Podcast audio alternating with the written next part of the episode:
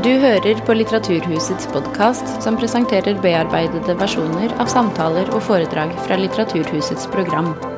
Er du interessert i mer informasjon, kan du gå til litteraturhuset.no for oversikt over alle våre arrangementer.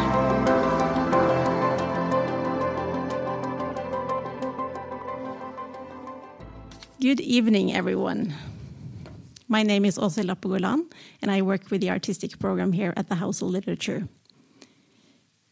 Every time we say it can't get any worse, it does. Writer and filmmaker Tsitsi Dangarembga has said about the situation in her home country, Zimbabwe. In 2020, she became a very public image of the danger of speaking out in Zimbabwe when she and her friend Julie Barnes was arrested during a peaceful protest. After a long legal battle, battle, they were thankfully acquitted earlier this week. But still, how does it this affect others to see what you risk when speaking out? How many stay silent because of it? Across the world, it's becoming incre increasingly difficult to protest governments and large corporations. Environmental activists are especially vulnerable. According to the human rights organization Global Witness, 200 environmental activists were murdered across the world in 2021 alone. Nonhle Mbuthuma is the founder of the organization Amadiba Crisis Committee and has for many years been a pillar in the fight for the land and community in Pondoland on the east coast of South Africa. During these fights against the mining company, an oil company, and others, she has lost several comrades. Still, she and her community keep fighting. I'm looking forward to hearing from both Nonhle and Tsitsi tonight and to talk with the two of them. We have Bergdis Joelsdottir, who has worked with civil society and human rights initiatives in Southern Africa for a number of years. She is currently the policy director for Amnesty International Norway. Please give them all a warm welcome.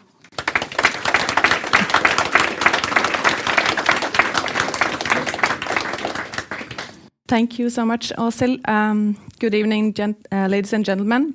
It's an absolute pleasure to be here. I'm so impressed by what the House of Literature has been able to set up this week.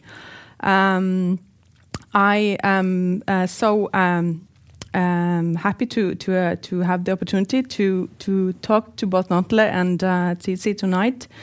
Um, uh, ladies with a long-lived experience in fighting for what the majority here in Norway takes for granted, um, basic human rights uh, many of us make use of on an everyday basis by default without noticing. And uh, these are basic rights like the freedom of expression, the freedom to assembly, the right to protest. Uh, we enjoy a very open uh, civic space, uh, which we consider to be the bedrock of an open and democratic society. Um, so I would like to start with you, Tsitsi. Um, you are from Zimbabwe and also gave us a, a short uh, bio of, of, of, your life, but um, and I think we also can call you an official friend of Norway because um, you were here yes, uh, last year, but you're also back this year. Um, and my question to you would be: Would would you call yourself an activist as well? Mm -hmm. Thank you for that question. I'd like to say thank you to the Literature House for the invitation to be here together with Nonhle. It's uh, uh, an honor. And to say thank you for being here this evening for this conversation. I'm sure we'll have an interesting time together. Oh, yes, now that question. I, I have to say that I am on this particular panel, I think, fraudulently, because I do not consider myself an activist at all. And I have a problem with applying that word to people like myself. And I didn't know how to explain this problem until a friend of mine was in, introducing me at an event in England. Because I kept on saying, but we are all human beings. So we should all be concerned about the problems that affect us as human beings. And she said, but Tsitsi, the thing is, you are a writer. And a writer is concerned with the human condition and how people live and the relationship between human beings and the environment, the context that they live in. Now, if you are a dentist, you are concerned about what's in people's mouths. mm. You know, you are not concerned about what's outside the mouth. And so I suddenly understood why people think that I am an activist. I'm not. I'm just a storyteller. But the stories that I tell are the ones about people's struggles, their failures, their miseries, their triumphs, and their happinesses. And it makes me wonder why somebody from my part of the world becomes an activist because I am telling stories, basically, giving voice. And I, I find that maybe it is because the idea of a storyteller from my part of the world does not really fit into the framework of what Africa is, because telling stories implies a kind of celebration of life, a kind of gutsy desire to, to engage and to triumph. Um, the late Chinua Achebe called it a celebration. You see, and that does not fit the, the idea that is necessary uh, from a global Western point of view with the global South. Mm. Yeah, I, I, I want to follow up a bit on that because you say uh, you're giving voice, and and we do have like storytellers in Norway as well, but. Um, you know, they release their books, they um, have premieres on their films, they go to festivals and um, they go to events like this, and um, they go home. but um, but they don't necessarily get arrested. Mm-hmm. So so that's why I want to just kind of you know if you could you know tell us a bit about what's happening in Zimbabwe right now. Okay, so why then would a, a storyteller be arrested? I think is the question you're asking. Mm.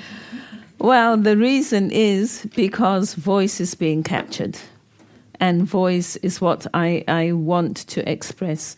Whether um, I'm standing up and talking to other people, whether I am writing fiction uh, and having an array of characters, or whether I am teaching other people the crafts of maybe uh, fiction writing or screenwriting or filmmaking. And uh, the fact that voice is being suppressed in Zimbabwe is a very deliberate political tactic uh, to ensure that the marketplace of ideas shrinks to only those ideas that are deemed the right ideas by, by the ZANU PF organization that is currently in government in Zimbabwe. And so they have many tactics uh, to stop people giving voice, and it depends who you are and where you are. If you are a person living in a rural area, you will basically be neglected and starved. And once in a while, somebody will come and give you some rations and give you um, a little something, and you feel grateful. Um, they will give you maize seed for your next harvest. If you are saying and doing the right things, they will give you fertilizer. And so that is how those people, those people's voice is changed into something that is not their voice, but something that expresses the will of the of um, the ZANU PF organization. If you are an artist in the city like me, um, they control the flow of resources. So to the rural areas, it's fertilizer, it's seed. It, for enterprises like mine, it's money. So they make sure that you do not have any resources for your enterprise. And you will find, for example, that people in film in Zimbabwe are generally uh, very connected to ZANU PF. As far as writing goes, yes, um, that is easier to do without money, even though you have to eat. But then the whole environment is very difficult because the government has abdicated its responsibility for social services like water, electricity. So you're daily fighting with this kind of thing. Where can I get my water? Wherever you live. I mean, they have now resorted to, to sinking boreholes, like right in the city, in some of the most affluent uh, suburbs, and, and they call this a social good, ignoring the decay of the water reticulation system.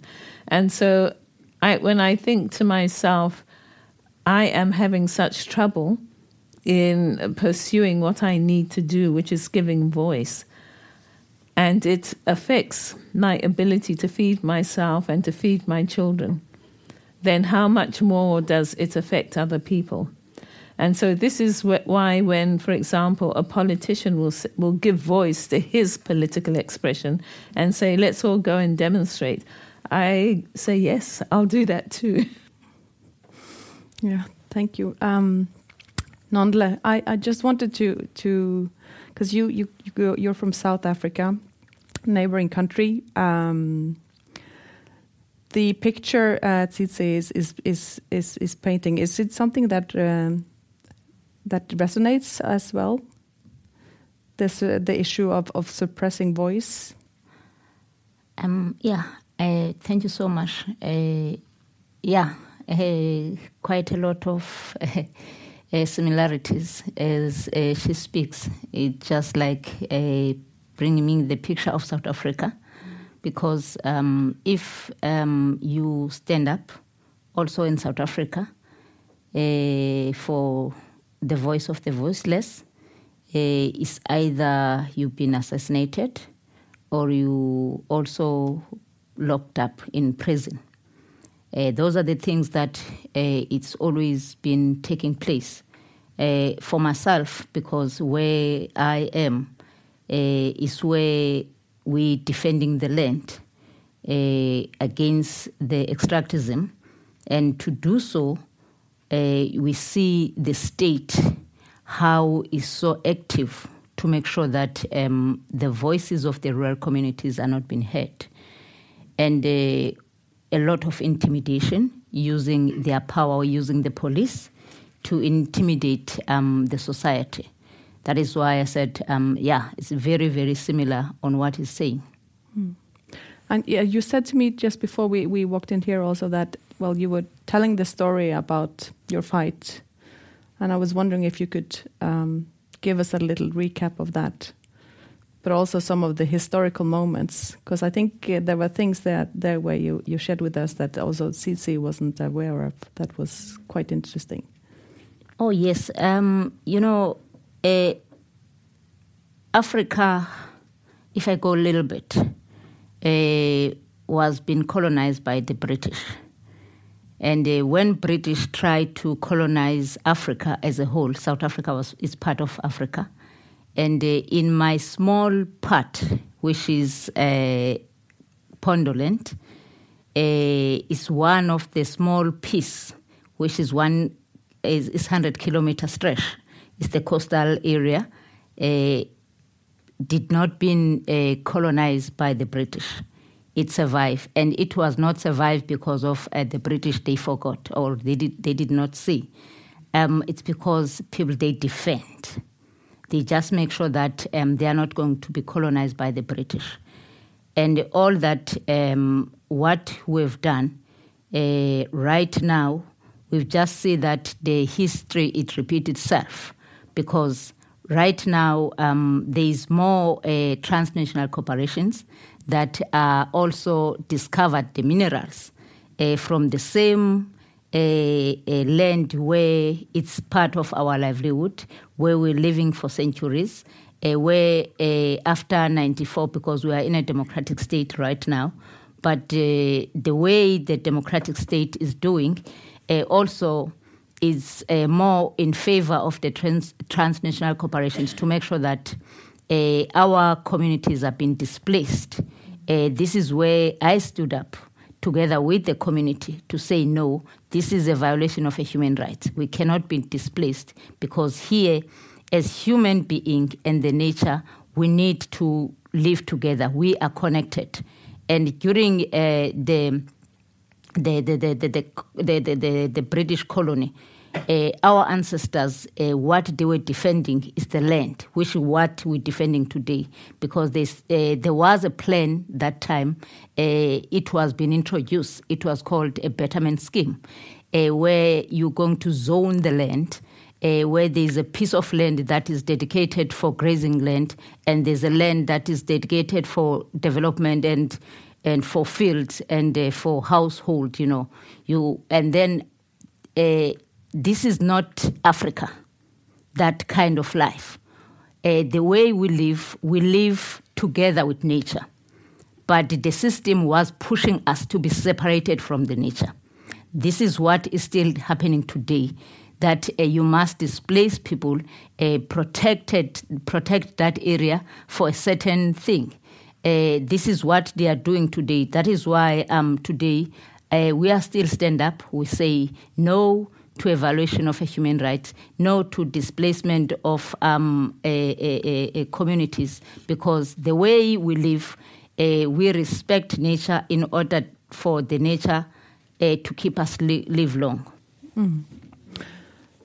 But um, how how do you kind of manage to to continue the fight? Like, because you've actually been fighting a, a particular mining company, and uh, and you actually managed to to win the case. Um, and and many of us would probably kind of sit down and, and relax and think that the fight was over, but uh, but it's not. Can you tell us what's what's happening now? Um, yeah, uh, we we fight the mining company, which was the Australian company. They discovered the titanium in our coastal belt, uh, where we we live for centuries, and uh, we ended up going to court. We organized ourselves as communities because when uh, we, but we didn't just wake up and go to court, which is the thing that mostly people they think when we won the case uh, you just see the mining company and then you go to court. We did try to talk to them, but the talking it was not making sense, or the language was not. We are not understanding each other. Now we just take them to court to the language that they're going to understand, and we won that case. That uh, the people of Pondoland or Amadiba have a right to live there and must give a free prior informed consent before any mining activities. And that judgment, it did set a precedent to all the other communities, uh, not in South Africa, but globally, because um, they were not expecting that South African uh, court can take that kind of decision. But it was very good. And then uh, after we won the judgment, we were just thinking everything is over uh, we're celebrating and go and looking after our goats and chicken and continue our normal life as usual. Unfortunately, uh, our own government, they said that they're going to appeal that decision. And uh, since 2018, they put a notice of appeal. There's no head of argument. Now, it means that if they just put that a pending a, a, a, issue like that. They they just keep uh, uh, negotiating with the Australians that they must calm down. They will soften us. Will will will change our mind. That's the that they, they are buying time. That's what they are doing. But while they're buying time, uh, as I said, that uh, we're thinking the fight is over. There is more, more, and more transnational corporations that are coming. Right now, uh, Shell company also discovered oil and gas. Again, to the same uh, uh, uh, ocean, the coast, the wild coast, where they want to drill oil and gas. And again, we resist that because if you destroy the ocean, you destroy the ecology, you destroy the lives.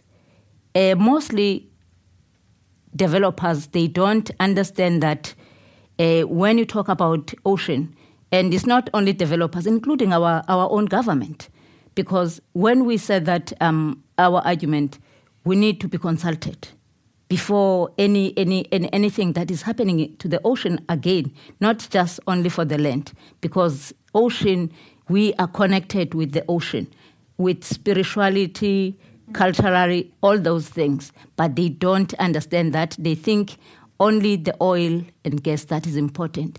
And again, we take that case to court and we won.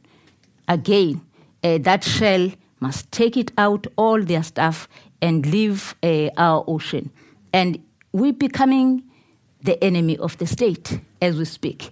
Right now, our lives are really, really in danger because uh, every corner where the government of South Africa, uh, you meet ministers, they said that people of Pondoland must stop resisting development. Mm. And what is mm. development? Exactly. Yeah. Mm.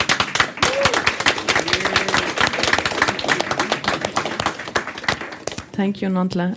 Um, what I really wonder about is is how you know what is the coping mechanism to kind of continue and to to to to go on, to keep on. You know, you win in court, they try to appeal, and you you you know another enemy comes in, and you you win, you win, but then again another threat comes. Um, yeah, we win in court uh, what makes us coping is the land. The land that we have, it feeds us. The community that is sitting on that land, we working together, we supporting each other, and also the other social movement, environmental organization, they did give us a support because there is a time where we just see that uh, it's quite difficult because um, the, the state uh, in South Africa use everything, every power, uh, to make sure that uh, our lives are miserable. Uses the police. When there's uh, meetings like the public consultations, uh, they brought thousands of police. And the question why? It's just intimidation and, you know, because you know that um, when you speak, you must watch your words. Otherwise, you'll sleep in, in, in, in prison if um, you question so much. Those kind of intimidation that they are using us. But it was not end there. Also, you know, Pondoland is one of the areas that we are self dependent because we grow our food, we grow the dagga, you know, the dagga is there, and we are not even hiding.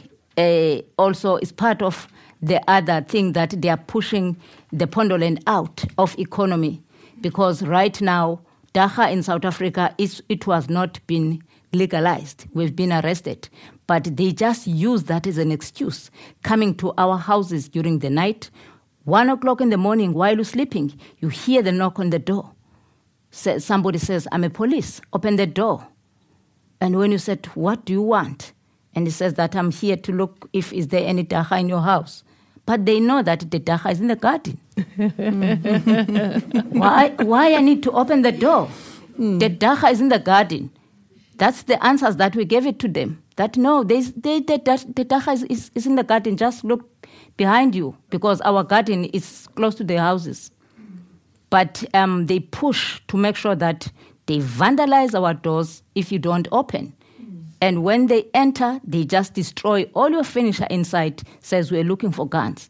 And we open those cases, but all those cases are not going anywhere because um, these are intimidations that have been used uh, to make sure that we are not um, a, a, a questioning when something is wrong. And it doesn't end up there because some of us uh, the leaders are already been assassinated on this matter. The people that they call themselves police. 2016, our chairperson of our organization was being assassinated at his own home. And they were wearing uniform of the police, having the blue lamp. But until today, there is no arrest.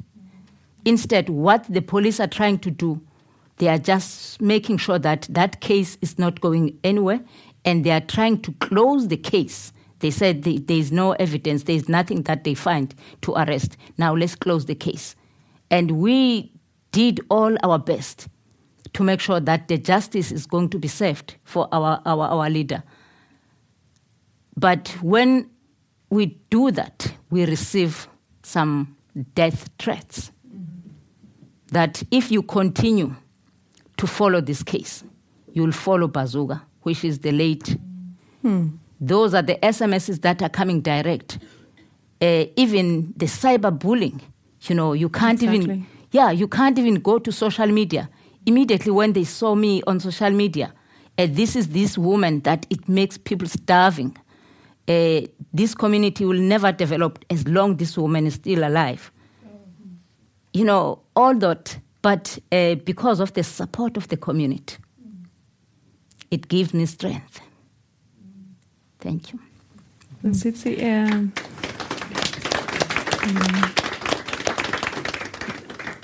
the support of the community. Um, the situation in, in Zimbabwe has been deteriorating for quite some time. Um, the the the support of the community is it is like the the drive and and and the motivation and and the fight against suppression. How how how is it framed in Zimbabwe today?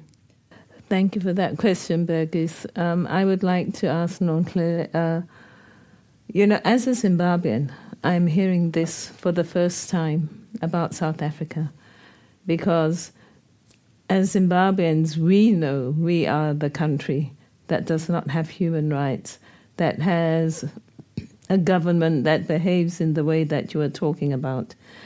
And the mythology in SADC is that South Africa is functioning. So, why do you think it is only Zimbabwe that is labeled as a country that has such human rights abuses, but South Africa is seen as the country where uh, the government is doing its best to rule according to the law? Uh,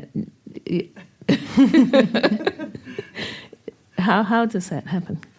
Um, yeah, this is a very difficult question. Um, yeah, but I, I, I think uh, at this stage, uh, South, Afri- South Africa plays their game so well uh, to look good outside. Uh, everybody, when they think of South Africa, they see a very good. That is why also the other African countries they are flowing to South Africa when they, they are affected by the political issues because they think South Africa is good. But when they find they arrive there in South Africa, they just see this is not the South Africa that you've seen outside. Uh, that is my answer that I can say. And also, uh, the South African Court of Law, again, uh, it did play a, a very good role to protect the human rights. That is the difference uh, than the Zimbabwe, because in Zimbabwe, uh, the way I understand, if you are human rights, there is no way to go. Uh, but in South Africa, we still have a hope that um, the court of law it did recognize the human rights as is part of the constitution. Okay, I think that's a really important point constitutionalism. And so the judiciary is still upholding constitutionalism. And that certainly isn't what I see happening in Zimbabwe in a lot of the judiciary. Um, I think there is a big difference with Zimbabwe, as Nonhle said. And uh, the idea that there is a part of South Africa that was actually not colonized it was also something I did not know. And I think a history of not being colonized really builds a different kind of sense of community and identity and a, a way of life. One believes in one's own way of life. When one has been colonized, all that is stripped from you. And this is what I write about in my essays, uh, Black and Female. And so Zimbabwe suffered that. Uh, they suffered this stripping away of identity, this uh, being moved away from the land, uh, being put I- into areas that were totally not fertile, leaving the graves and their sacred places to be taken over by uh, farmers, commercial farmers, and of course, um, uh, Cecil Rhodes being buried in one of the Amandebele holy places at Matopo. I mean, uh, this was a, a, an act of of um, appropriation, even after death, mm. uh, and it was done on purpose, of course. So I think that uh, the Zimbabwean situation uh, can be distinguished from your particular Pondoland situation. But then I think there's also uh, a difference in the kind of colonization that we had in Zimbabwe. Because uh, I think it was 1652 or something in, in the Cape that uh, the, the first encounters with Europe began. And then the Dutch set up Cape Town as a trading port on their way from Indonesia back to Europe. And uh, then, of course, they were followed by other European nationalities, and people started moving in from the Cape. So that was already in the 17th century.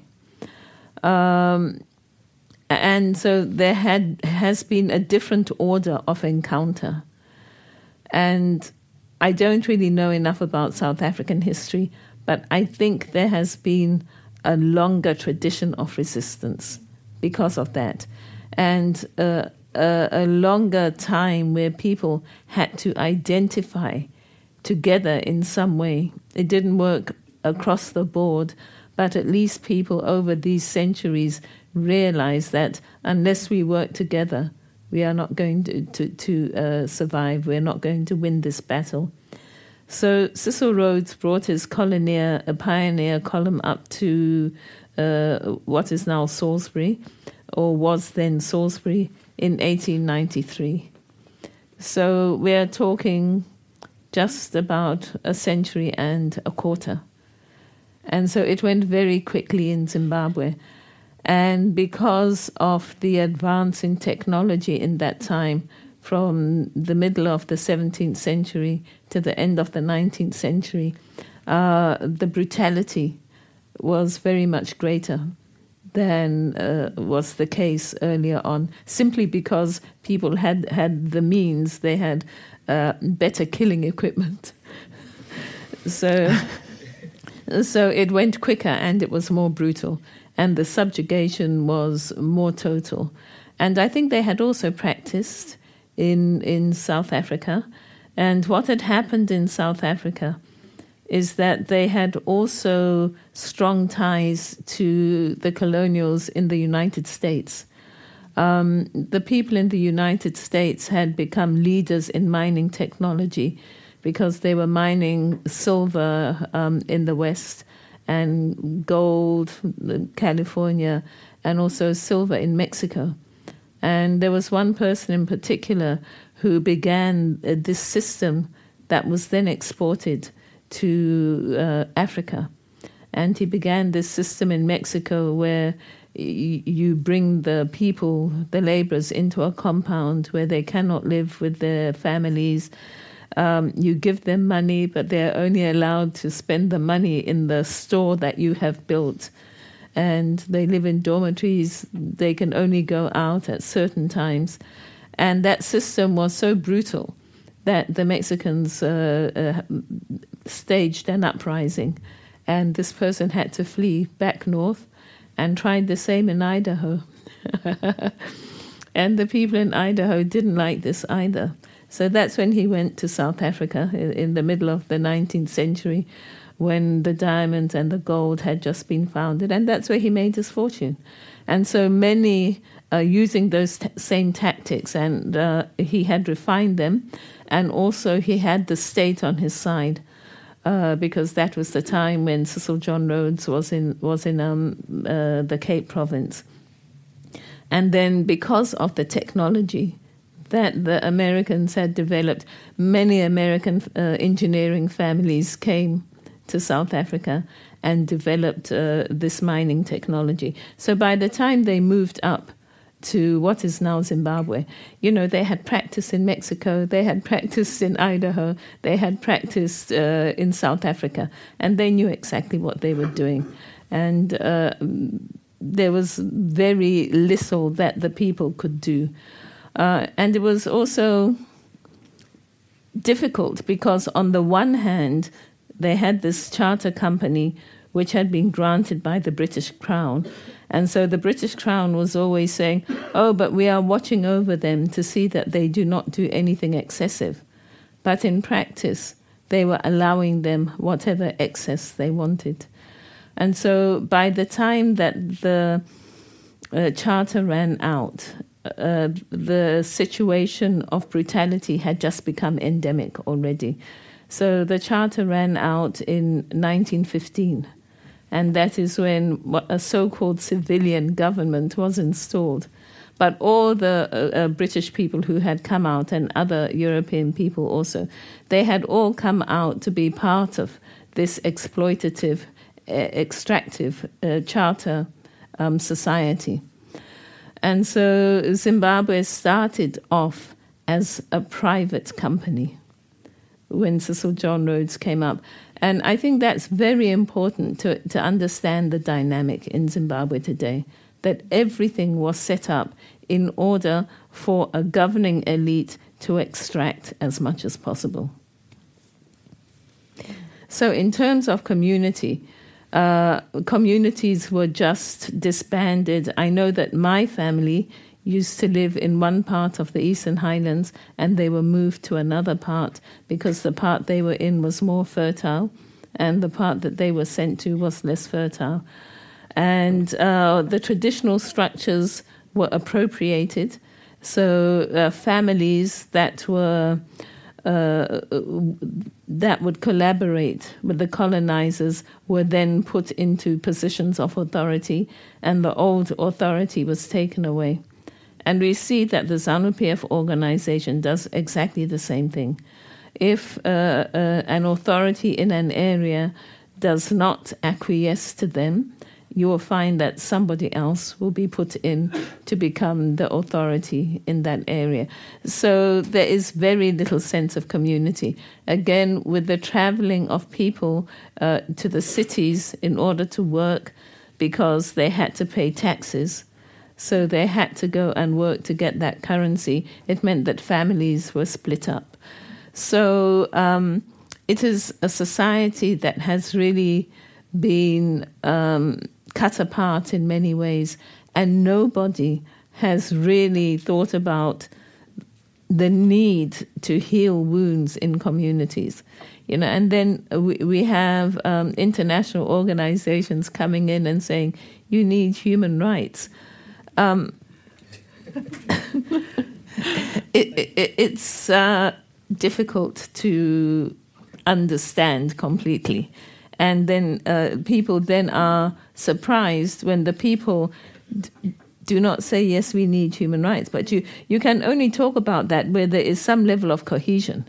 Yeah. And people identify with the community they identify with nation. Mm. but um, what we have is basically a, a, a private company running the the country and telling everybody what to do often on pain of death or torture, abduction, imprisonment. So, what do what do Zimbabweans need? Um, Zimbabwe is a really difficult situation. There are things we needed that we did not get at the right time. If you look at South Africa, for example, um, there was that scenario setting. So the decline in South Africa has not been as fast and as uh, devastating as in Zimbabwe.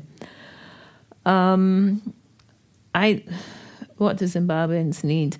I think Zimbabweans need platforms where people will listen to them instead of people telling them we have come to teach you how to uh, to have gender rights we have come to teach you how to have democracy. I think they need platforms where people will listen to them. This is our problem. How do we solve it? And this is something that Zimbabweans have never had. Uh, non um, I, I, wanted to um, thank you very much, Tsitsi. By the way, it's um, it's it's it's it's really good to kind of get those long lines of history, but also yeah to kind of reflect that who who we are today is also a reflection of of, of the past.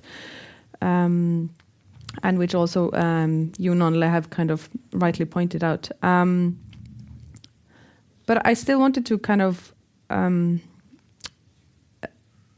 move a bit into kind of your your like personal personal commitment and either you're storytellers or activists um, um, like what are the, what are the consequences of of the choices you you make like in terms of of um, family relations and and your personal life the the threats that you live with on an everyday basis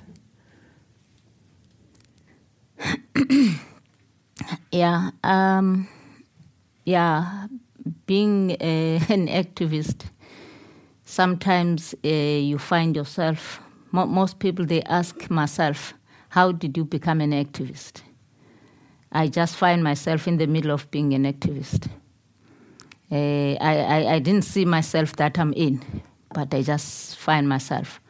And uh, also you know the way the situation is so rough uh, it's so violent um, it also pushed me uh, to to live in a in my village, to stay in a safe place. So you've never thought of relocating, living I in exile? Ne- I never thought of relocating. Never uh, in my life, even where I'm staying right now. Uh, um, I'm stressed because I'm not used to uh, the, the, the, the, the kind of life that I used to live in a rural part uh, is the most good life for me because we share love, we share pain, we share food, you know, everything, we, we work together. Now, when you being isolated, it's very painful. Uh, but uh, was no choice. I just say that if I continue to stay, uh, I will be killed. And also, I'm not going to be killed alone, and I'll also be killed with my family. Now, to protect my family too, I rather move away from them. Because most cases, uh, when the assailants are coming to kill and find you sitting with your family, uh, in order to finish the evidence, they kill everybody. Now, I decided to, to stay somewhere. And uh, the way situation was so tough, I stay somewhere. And then I just tell myself that, okay, situation is hard. And uh, I was not married that time. And I was telling myself that I'm not going to marry. It. That was my decision. I'm not going to marry it because if I'm married, uh, it means that uh, there will be somebody also I'm going to put in this situation of mine because everybody that is closer to me is going to be affected. But it's unfortunately sometimes uh, we plan those plans and then uh, yeah, I I just the plan get, didn't work out. yeah, um, I get married uh, while the situation is like this, and I have a son. Uh, while the situation is like this, because uh, when I was alone, I was telling myself, I'm not going to give any birth, any children, because the child that I'm going to pro- produce will be affected by my my fight.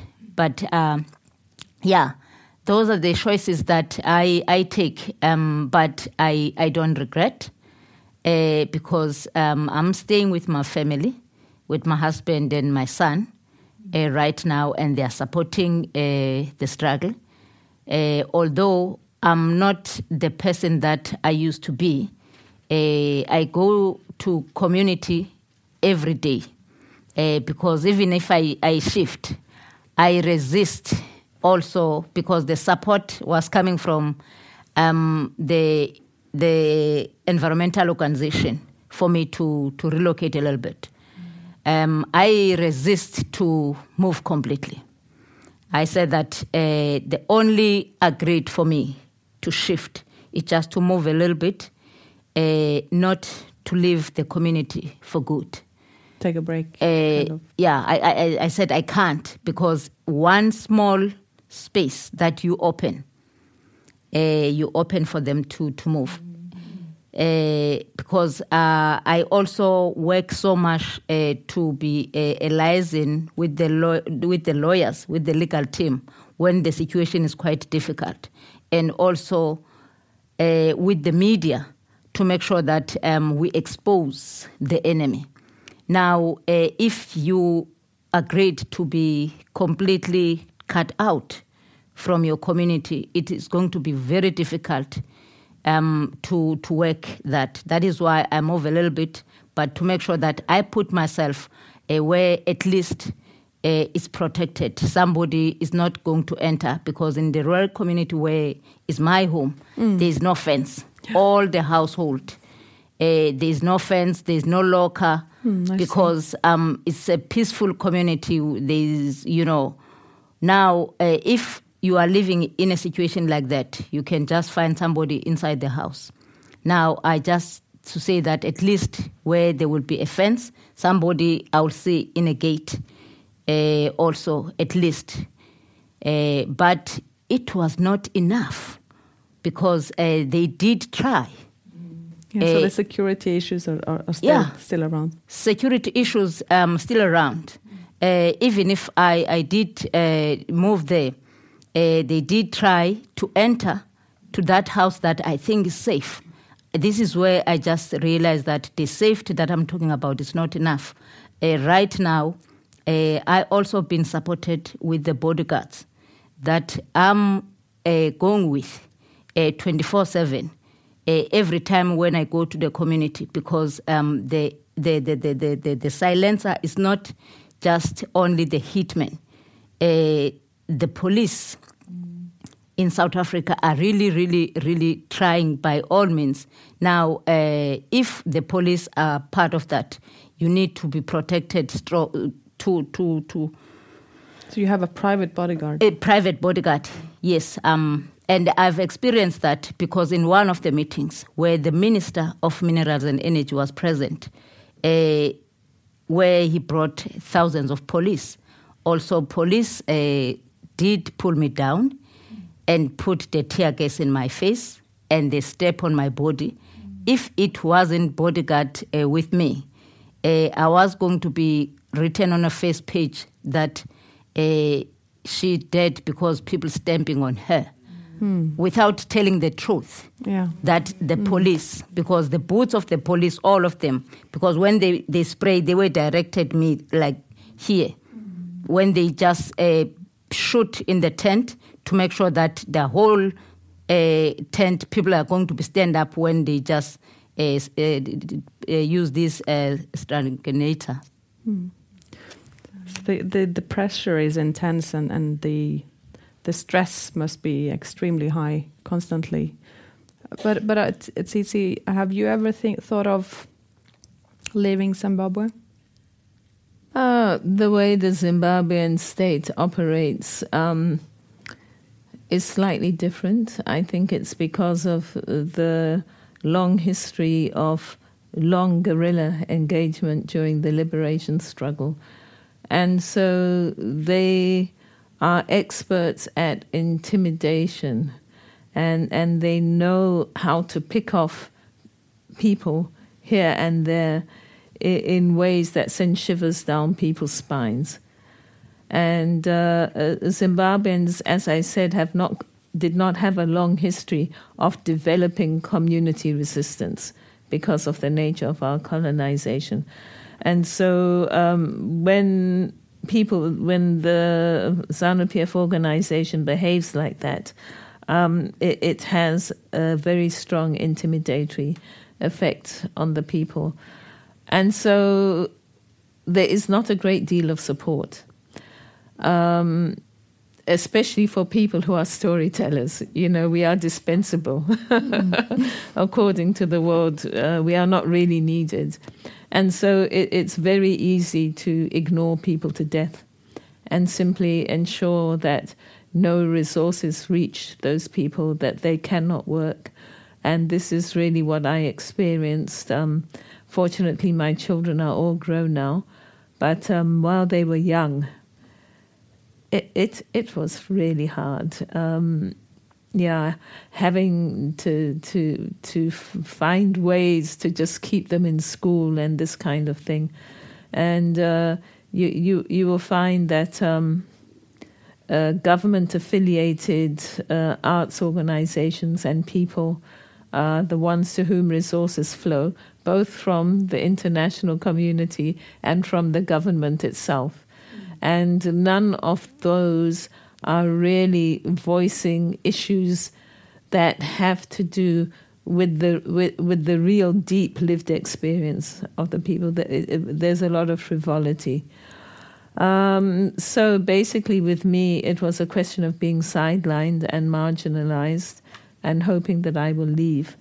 And so now I'm not really sure what the acquittal is. Of course, it's it's a great burden off my mind but one part of me thinks they're thinking, well, she should take the hint now and go. Uh, and so um, I have to see, you know, I have no security of anything. Uh, I'm finishing uh, um, a fellowship at Harvard, so that gave me an income. And before that, I had a fellowship at Stellenbosch. And then uh, I have another fellowship in Hamburg coming up. Uh, but that is not the life I had seen myself lead, uh, leading. You know, when I built up this NGO, I have uh, four young women who are permanent employees, and then I have uh, three other people who are employees. Uh, plus, my, I am running the organization. So um, I had hoped for something else, but the government had different plans. Um, I think around 2002, they had asked me uh, if I would go to the Zimbabwe television broadcasting um, company as it was then. And I had to find uh, a, a sensible way of saying that I was doing something else at that moment. And so once you do that, uh, they know that you are not going to become one of them. And, and basically, I did not know at the time but you get written off and you get blacklisted, and, and that is uh, why it has been such a struggle. So um, I don't know what I'm going to do. What I know that I would like to do is to continue to, to develop my NGO, uh, where I teach uh, people uh, the craft of storytelling to release their voices. But um, even in most parts of the world, it's very difficult for people in the arts. So if you are blacklisted in your own country, um, it is very difficult to survive. I just have to see. Fortunately, my children um, are German, so they qualify for all the, the German perks of the educational system there. So um, I am not really stressed financially anymore. It was more stressful financially to educate them in Zimbabwe than it is to have them at university in Germany.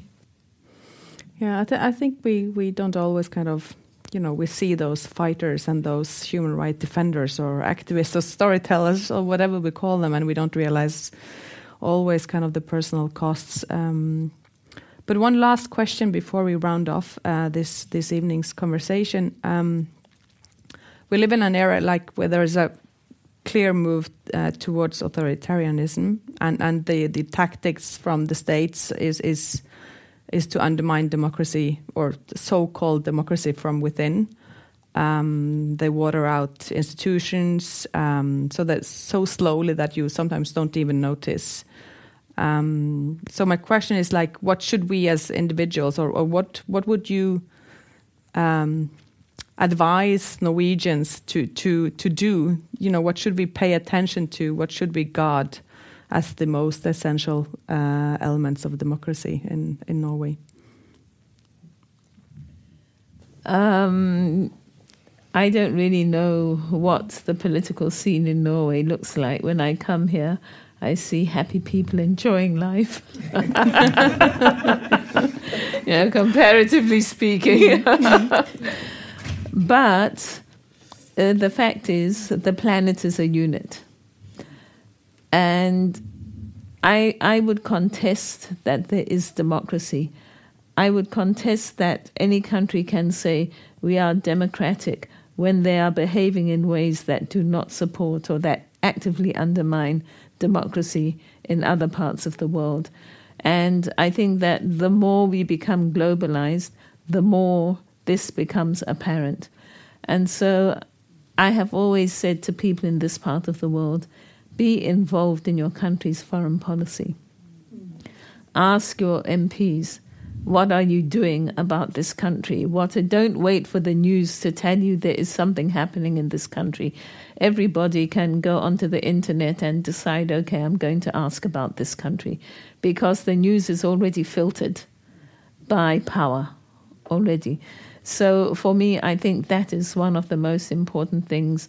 Uh, uh, there will never be de- democracy in any country until democracy is something that we all enjoy. And then I think we also need to think about what democracy is. Uh, democracy is not something, it's not um, a political system that the West, uh, global West, invented in, in its wonderful intellect and uh, is now exporting to the rest of the world. If we go back to democracy, it is something like what Nonhle is telling us about in Pondoland, mm. actually. Mm. And so we need to remember what democracy actually is and not get lost in the materiality of it, in the concept of it. Mm. Thank you.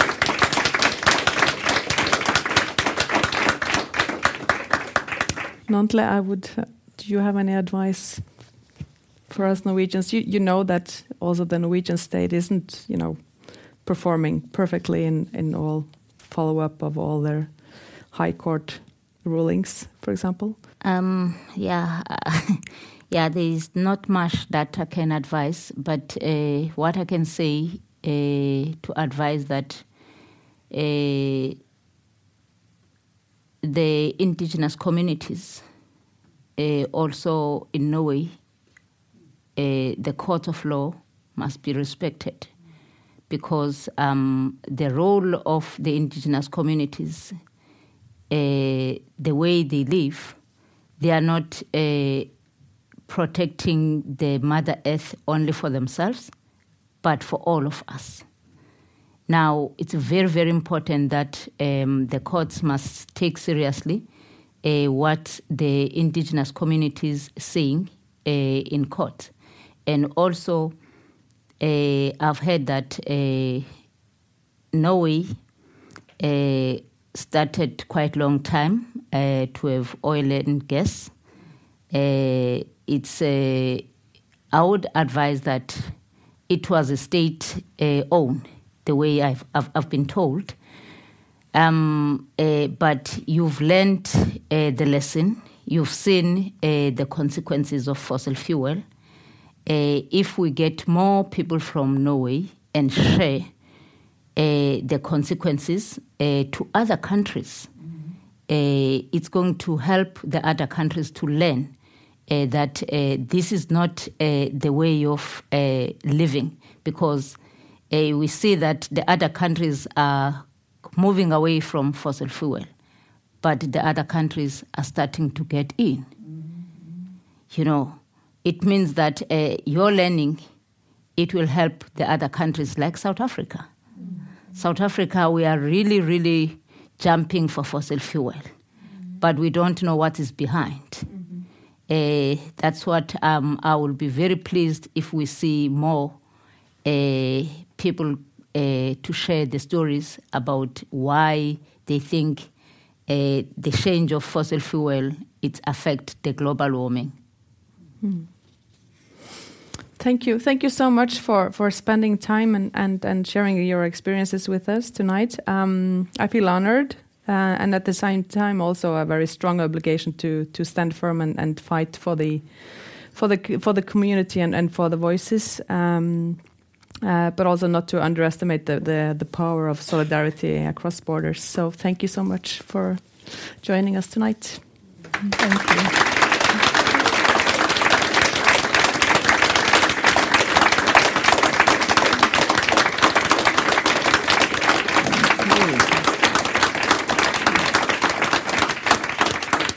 So much also from the House of Literature to Tsitsi Dangarembga, to Nonhle Mbuthuma, and to Bergdis Joelsdottir. Um, this concludes the, uh, this week's program about decolonization and climate justice and equality. But you all have one more opportunity to see Nonhle uh, before she goes back to South Africa. Um, tomorrow morning, in the offices of the Norwegian People's Aid, she will take part in a breakfast seminar entitled Just Transition or Green Colonialism. So you're welcome to, to join her there. And you can, of course, uh, hear more from the storyteller. You can find Tsitsi Dangarembga's books for sale in the bookshop upstairs. Uh, Black and Female, as she talked about, both in English and in a very new Norwegian translation. So uh, if you want to hear more um, from that voice uh, and the voices that she's lifting up, then uh, I strongly recommend it. So now please join me in one last applause for Tsitsi, Nonhle, and you. Thank you. Thank you. Thank you.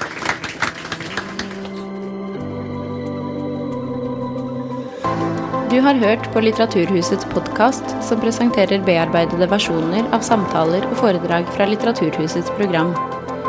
Del gjerne podkasten med familie og venner via iTunes eller Soundcloud om du liker det du har hørt. Følg oss også på Facebook og på litteraturhuset.no for informasjon om flere aktuelle arrangementer. Musikken er laget av Apotek.